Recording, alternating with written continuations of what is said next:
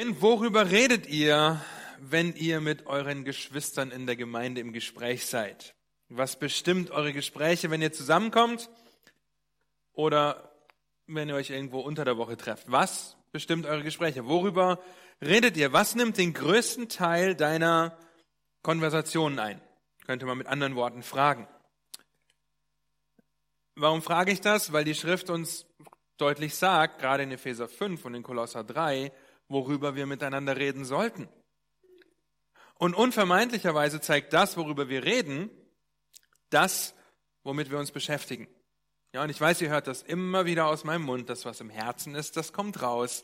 Das, womit wir uns beschäftigen, das wird das beeinflussen, was wir reden, das, was wir denken, wird unsere Gefühle beeinflussen, wird unser Handeln beeinflussen. Ihr, ihr hört das die ganze Zeit von mir, aber das ist sehr, sehr gut, dass ihr das ständig hört, weil so fangt ihr an, darüber nachzudenken, okay, was offenbart das, was ich gerade gesagt habe, eigentlich über mein Herz, über mein Denken, über das, was mich beschäftigt? Was führst du dir vor Augen oder was kommt in deine Ohren, dass du konsumierst? Was beschäftigt dich wirklich? Oder wo sagst du, ich muss das haben, ich will das haben, ich brauche nur noch das eine, dann ist alles in Ordnung? können mit anderen Worten fragen, sind unsere Gespräche eher von Galater 5, Vers 19 bis 20 geprägt? Das ist, ihr seid sowieso drauf, jetzt ist es nur noch viel lustiger. Ähm, ja, Galater 5, Vers 19 bis 20 geprägt. Oder sind eure Gespräche von Galater 5, Vers 21 bis 23 geprägt? Ja, ihr könnt nachlesen, was dort steht. Das ist einmal die Frucht des Fleisches und einmal die Frucht des Geistes. Wovon sind unsere Gespräche geprägt? Worüber redet ihr miteinander, wenn ihr euch seht? Weil wir aufgefordert werden, über Gott zu reden, einander auf Gott hinzuweisen, einander zu, im Kolosserbrief heißt es sogar, einander zu lehren und zu ermahnen, ja, einander zuzureden in Epheser 5, was alles auf Gott hinweist. Und deshalb dürft ihr Epheser 5 aufschlagen. Letzte Woche haben wir im vierten Kapitel aufgehört mit einem Crashkurs über Vergebung. Heute wollen wir im fünften Kapitel weitermachen, in den Versen 18 bis 20, beziehungsweise Vers 19 wird uns vor allem beschäftigen. Epheser 5 geht es um unser Herz. Okay, es geht um unser Herz denn das, was unsere Lippen verlässt, das zeigt, was in unserem Herzen ist. Ab Vers 15 lese ich uns, und ihr habt das auch hier an der Präsentation, wenn ich das anmache. Vielleicht. Ich glaube, hier ist die Batterie leer, Gideon. Nee, jetzt. Nein. Oh. Das ist die falsche Präsentation. Gut. Ich sage euch, was in die Lücken kommt. Ja, wir haben hier die falsche Präsentation. Mein Handy ist irgendwo da hinten. Alles gut ist die Einleitung. Egal. Ja, Epheser Kapitel 5, Vers 15. Da heißt es, seht nun darauf, wie ihr mit Sorgfalt wandelt, nicht als Unweise, danke, sondern als Weise. Und kauft die Zeit aus, denn die Tage sind böse. Darum seid nicht unverständig, sondern seid verständig, was der Wille des Herrn ist. Und berauscht euch nicht mit Wein, was Ausschweifung ist, sondern werdet voll Geistes. Redet zueinander mit Psalmen und Lobgesängen und geistlichen Liedern singend und spielend dem Herrn in euren Herzen alle Zeit Gott dem Vater danksagend für alles im Namen unseres Herrn Jesus Christus. Gideon, können wir auf die ähm, auf das Apple TV gehen? Dann kann ich euch die Präsentation nämlich tatsächlich doch noch zeigen. Aber nicht nur diese eine Stelle zeigt uns das auf, sondern es gibt auch die andere Stelle in Kolosser 3, Vers 16 und 17.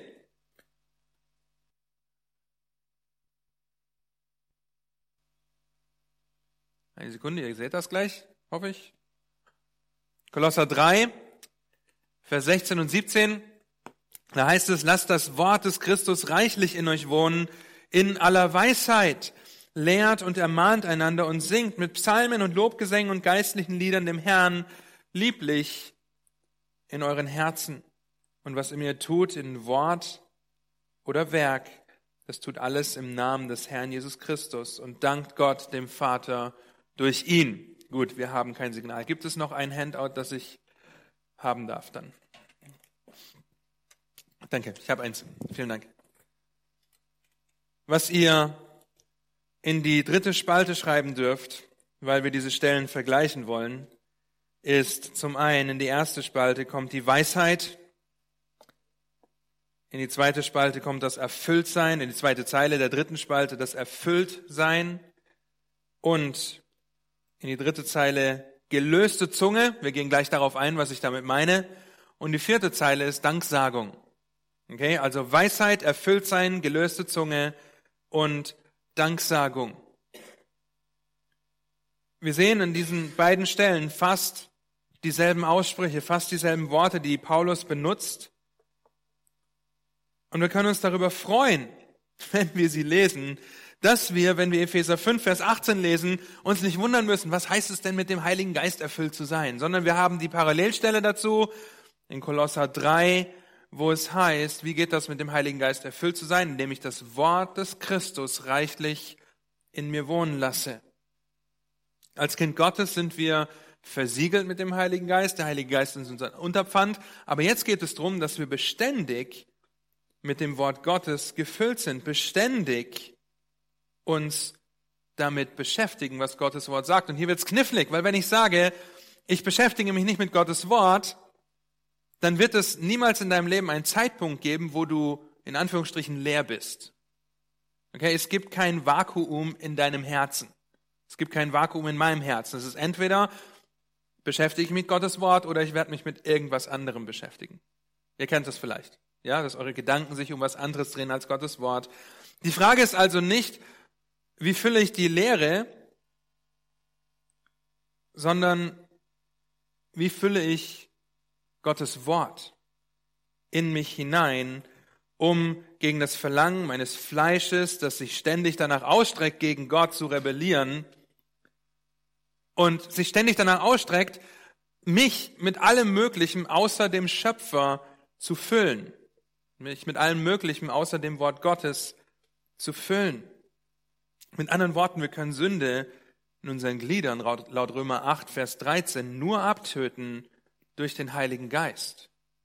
Der Heilige Geist hilft uns dabei abzutöten. Um die Begierden unseres Herzens abzutöten, müssen wir sie im Wort Gottes ertränken.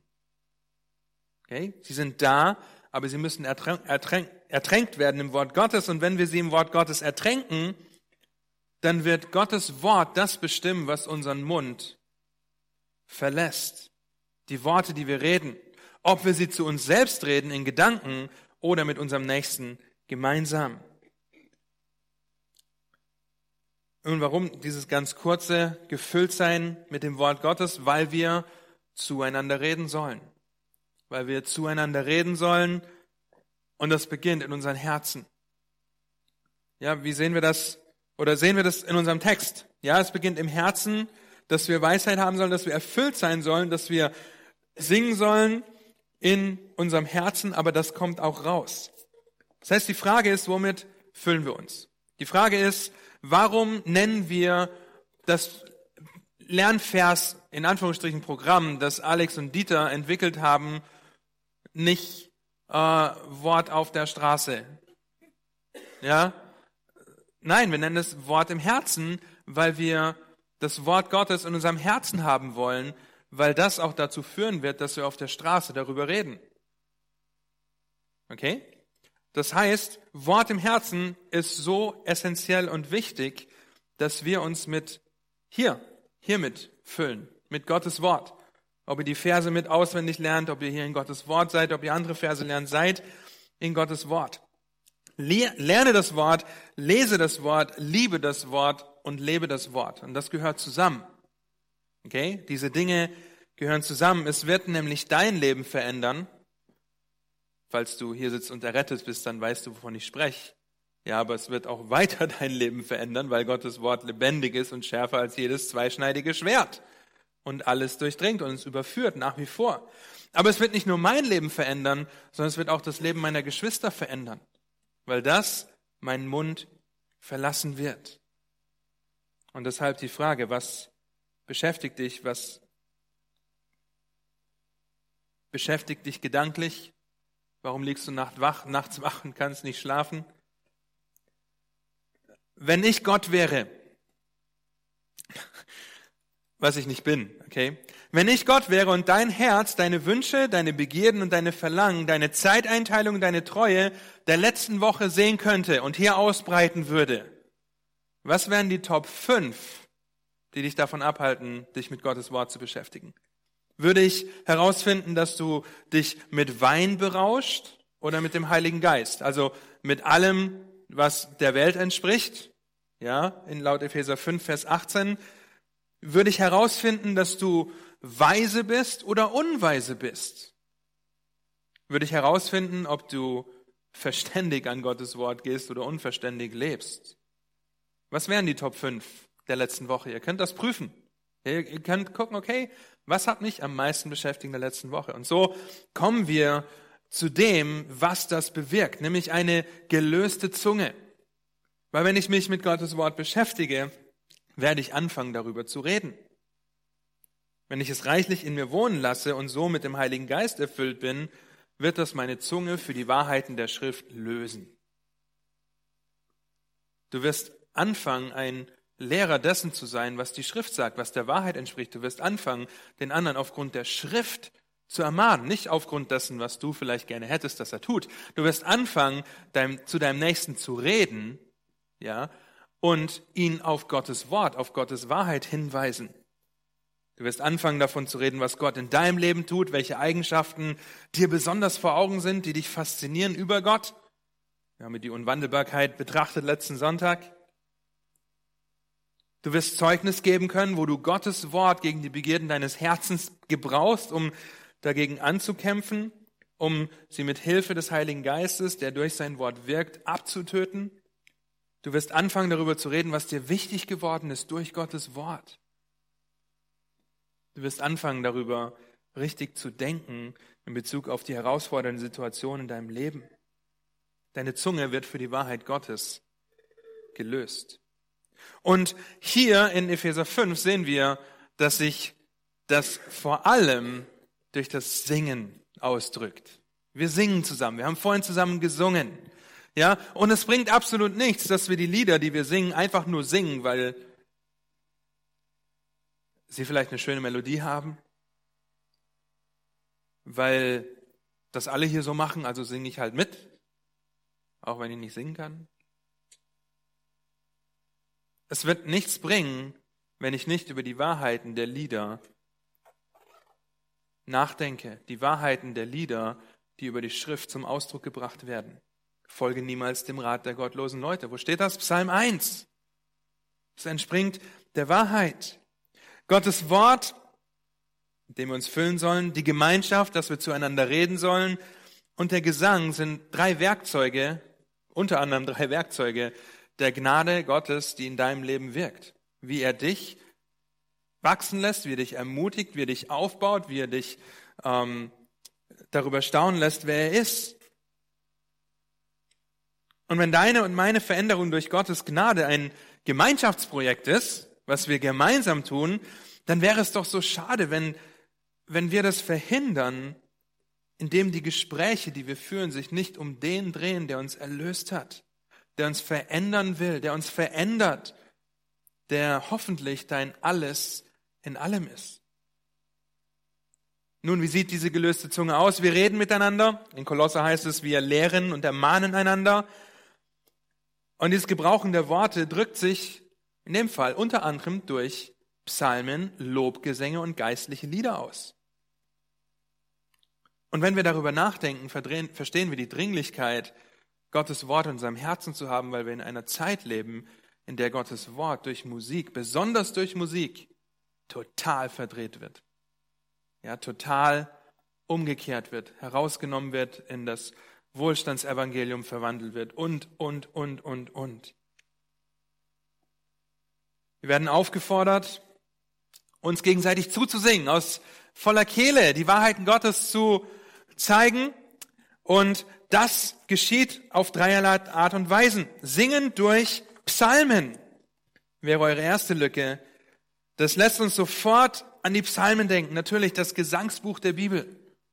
150 wunderbare Lieder, deren Melodie wir heute nicht mehr kennen, so wie sie damals gesungen wurden, aber die wir heute vielfach vertont haben. Singen durch Psalmen bezieht sich also auf die Psalmen, aber darüber hinaus bezieht es sich auf Lieder, die dem Charakter der Psalmen entsprechen. Okay? Dem Charakter der Psalmen. Der Charakter kommt hier in die zweite Lücke. Wir singen Lieder, die im Charakter der Psalmen entsprechen. Wir singen Lieder, die aus dem Psalm direkt genommen werden. Ja, wir haben viele Lieder, die unterschiedliche Psalmen in ein Lied zusammenfassen. Zweitens, singen mit Lobgesängen. Und ihr alle kennt das griechische Wort, das hier verwendet wird. Will irgendjemand raten, der kein Griechisch kann?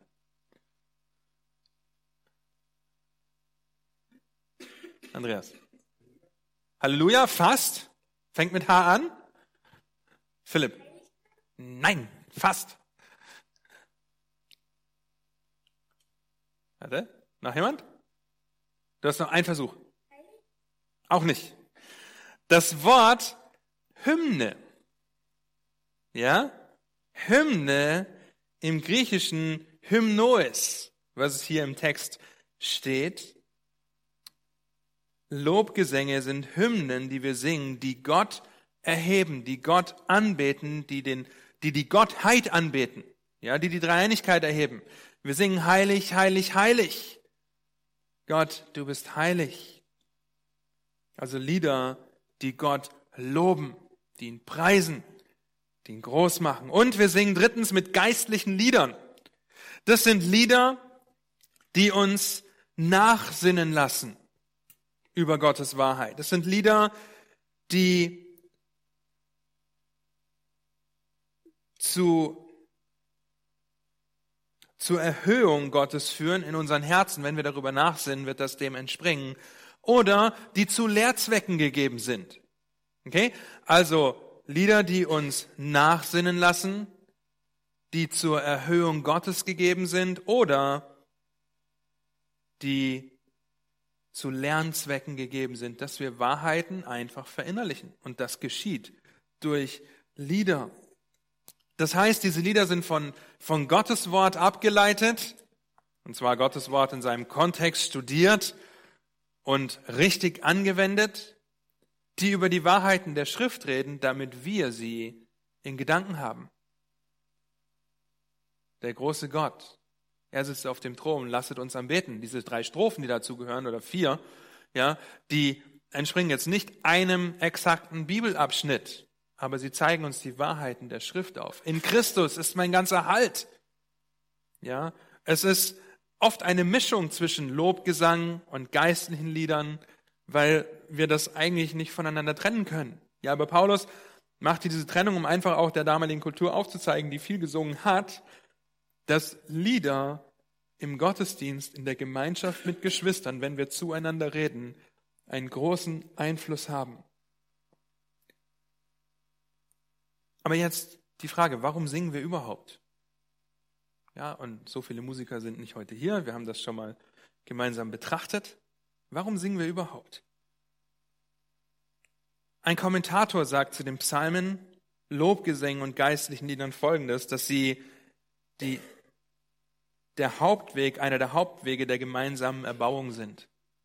Wenn wir hier gemeinsam sitzen und gemeinsam singen am Sonntagnachmittag, am Mittwochabend, am Freitag in den Wachstumsgruppen, das ist ermutigend, das spornt uns an. Und weiter sagt der Zitat, der Gedanke hier in diesem Text in Epheser 5 ist, dass der Dienst der Musik sich nicht um die Musik dreht, sondern um das Herz. Der Gesang entspringt der Herzenshaltung der Anbetung. Zitat Ende. Der Gesang entspringt der Herzenshaltung der Anbetung. Und manchmal brauchen wir Lieder, damit unsere Herzenshaltung wieder in die richtige Spur kommt. Ja, deswegen hat Kolosse auch diese kleine Nuance, lehrt und ermahnt einander und singt mit Psalmen, Lobliedern und Geistliedern dem Herrn in euren Herzen. Ja, wie oft erwischt ihr euch am Montag, dass ihr die Lieder vom Sonntag im Kopf nachsingt. Ich habe bei UPS die Möglichkeit, wenn ich im Container stehe, dann pfeife ich die Lieder fröhlich vor mich hin. Ja, oder summe sie oder singe sie sogar laut, weil mich hört eh keiner. Ähm, aber das ist so toll.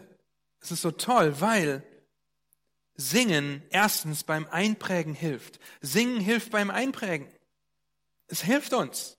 Ja, und ihr alle kennt wahrscheinlich Kinder aus, äh, Lieder aus eurer Kindheit. Kinder aus eurer Liedheit gibt's nicht. Ja, ihr kennt wahrscheinlich alle Lieder aus eurer Kindheit. Äh, Kinder sowieso, ja, aber auch ihr Erwachsenen. Ja, ihr kennt vielleicht noch die Lieder, die euch eure Mutter abends vorgesungen hat, bevor ihr ins Bett gegangen seid.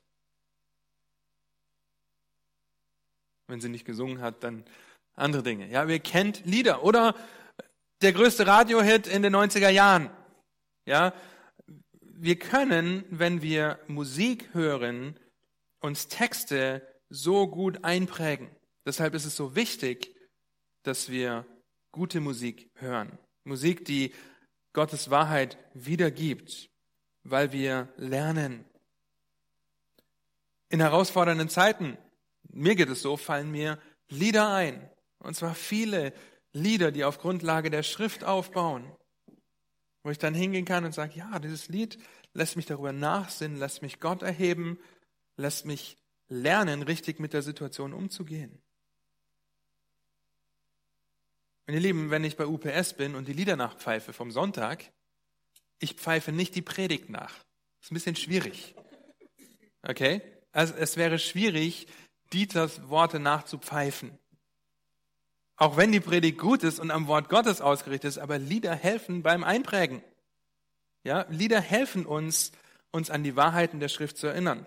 Zweitens, Singen verbindet Lehre und Emotionen. Also Lehre mit H, nicht mit zwei E. Okay? Lehre der Schrift und Emotionen. Wir singen Wahrheiten über Gott und Musik die macht was mit uns. Wir bekommen von manchen Liedern Gänsehaut. Ich weiß nicht, ob ihr das schon erlebt habt. Wir kriegen von manchen Liedern Gänsehaut. Ich, jedes Mal, wenn wir in Christus singen und diese dritte Strophe, das Grab ist leer. Wenn ich darüber rede, kriege ich Gänsehaut. Ja, ich, jedes Mal kriege ich Gänsehaut, weil das so eine wunder, so, so wunderbare Wahrheit ist, die wir gemeinsam singen, die wir gemeinsam Gott preisen können. Aber nicht nur Lieder, die erheben, sondern auch Lieder, die uns daran erinnern, in schweren Situationen auf Gott zu vertrauen.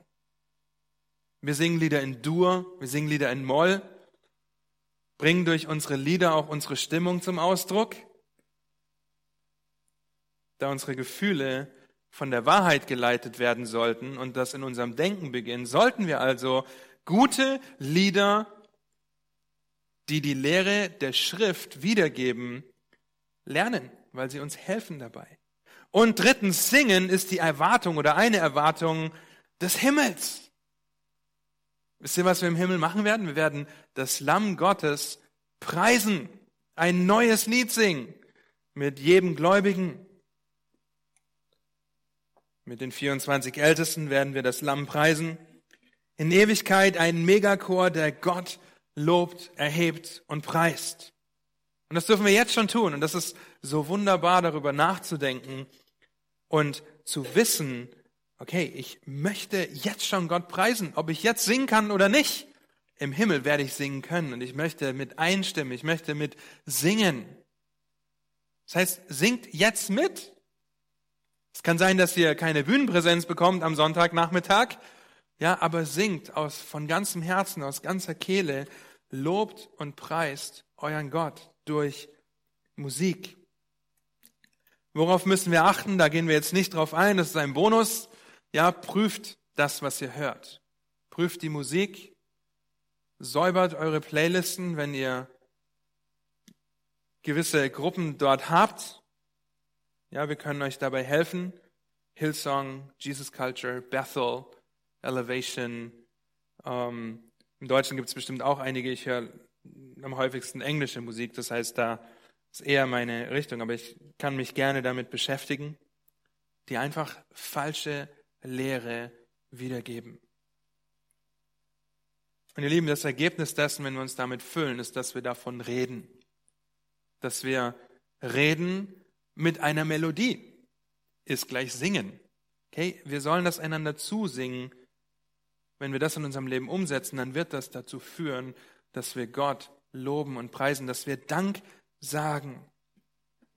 Dass wir Dank sagen und diesen Dank zum Ausdruck bringen in den Gesprächen, die wir führen. Wir preisen Gott. Und wovon redet ihr? Worüber redet ihr, wenn ihr miteinander redet? Sprudelst du über vor Dankbarkeit oder Undankbarkeit? Was kommt in deinem Leben zum Ausdruck? Sprudelst du über von der Wahrheit Gottes, die in seinem Wort offenbart, oder von dem, was alles nicht so läuft, wie du es dir wünschst? Hörst du gute und von der Wahrheit der Schrift singende Musik? Und es gibt eine so große Vielzahl an Genres, die theologisch gut und auch gewichtig sind.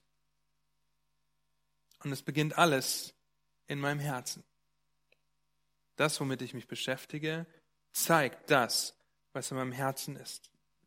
Und deshalb bedenke, womit du dich füllst, was deinen Mund verlässt, wenn du in Gesprächen bist. Wir ermutigen euch immer wieder, zum Beispiel, die Zeit zwischen der Gebetsstunde am Sonntag und dem Gottesdienst zu nutzen, um gemeinsam zu beten. Um einfach hier in den Gottesdienstraum zu kommen mit zwei, zu zweit, zu dritt und einfach zu beten. Nun leider sehen wir relativ wenig Leute im Gottesdienstraum, die gemeinsam beten. Ich sage nicht, dass eure Gespräche draußen schlecht sind. Ich frage euch nur, was ist der Inhalt dessen, worüber ihr redet, wenn ihr miteinander redet? Und wäre es nicht einfach schön, sich hinzusetzen, gemeinsam hier drin zu beten, auf den Gottesdienst sich auszurichten und darüber zu staunen, was Gott durch sein Wort und in der Predigt tun wird. Ich möchte euch ermutigen, das ist eine der Anwendungen, die ihr auf eurem Blatt findet, das zu überdenken, ob ihr das vielleicht machen möchtet am Sonntag.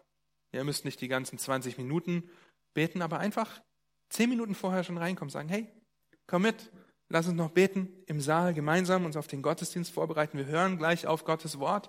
Gott redet zu uns und wir sollen miteinander über Gottes Wahrheiten reden. Lass uns dafür beten, dass wir aufmerksam der Predigt zuhören, dass wir uns danach anspornen können, ermahnen können, aufzeigen können, was Gottes Wort sagt, damit wir ermutigt sind, damit wir angespornt sind zu Liebe und zu guten Werken. Redet miteinander, ob das durch Singen ist, ob das durch Gespräche ist, redet über Gott, redet über die Wahrheit. Okay, das ist meine Herausforderung an euch. Unsere Zeit ist um. Möchte gerne mit uns beten und dann habt ihr ein paar Minuten Pause, bevor es in die Module geht. Lasst mich beten. Herr, habt du unendlich Dank dafür, dass du uns Musik gegeben hast, dass wir singen und spielen können, ob mit Instrumenten oder ohne ob mit lautem Gesang oder nur in unseren Herzen. Und so bete ich, dass du Gnade schenkst, dass wir uns mit deinem Wort, mit deiner Wahrheit füllen, dass wir in deinem Wort zu Hause sind, dass es unser tägliches Brot ist, damit, wenn wir miteinander reden, es aus uns heraussprudelt und den anderen ermutigen kann, ein Ansporn sein kann, zu sagen, ich möchte auch so in Gottes Wort verwurzelt sein. Schenk du Gnade, wenn wir Lieder singen, dass wir sie von Herzen singen, dass wir dich damit erheben, dich preisen und darüber nachdenken, was dein Wort sagt. Herr, habt du Dank für die Gemeinschaft, die du uns gibst. Du Dank, dass wir miteinander reden dürfen, dass wir einander belehren und ermahnen dürfen, dass wir einander zusingen dürfen. Und zwar die Wahrheiten deines Wortes, denn dein Wort ist Wahrheit und dadurch heiligst du uns, wie wir schon gelernt haben, Herr. Amen.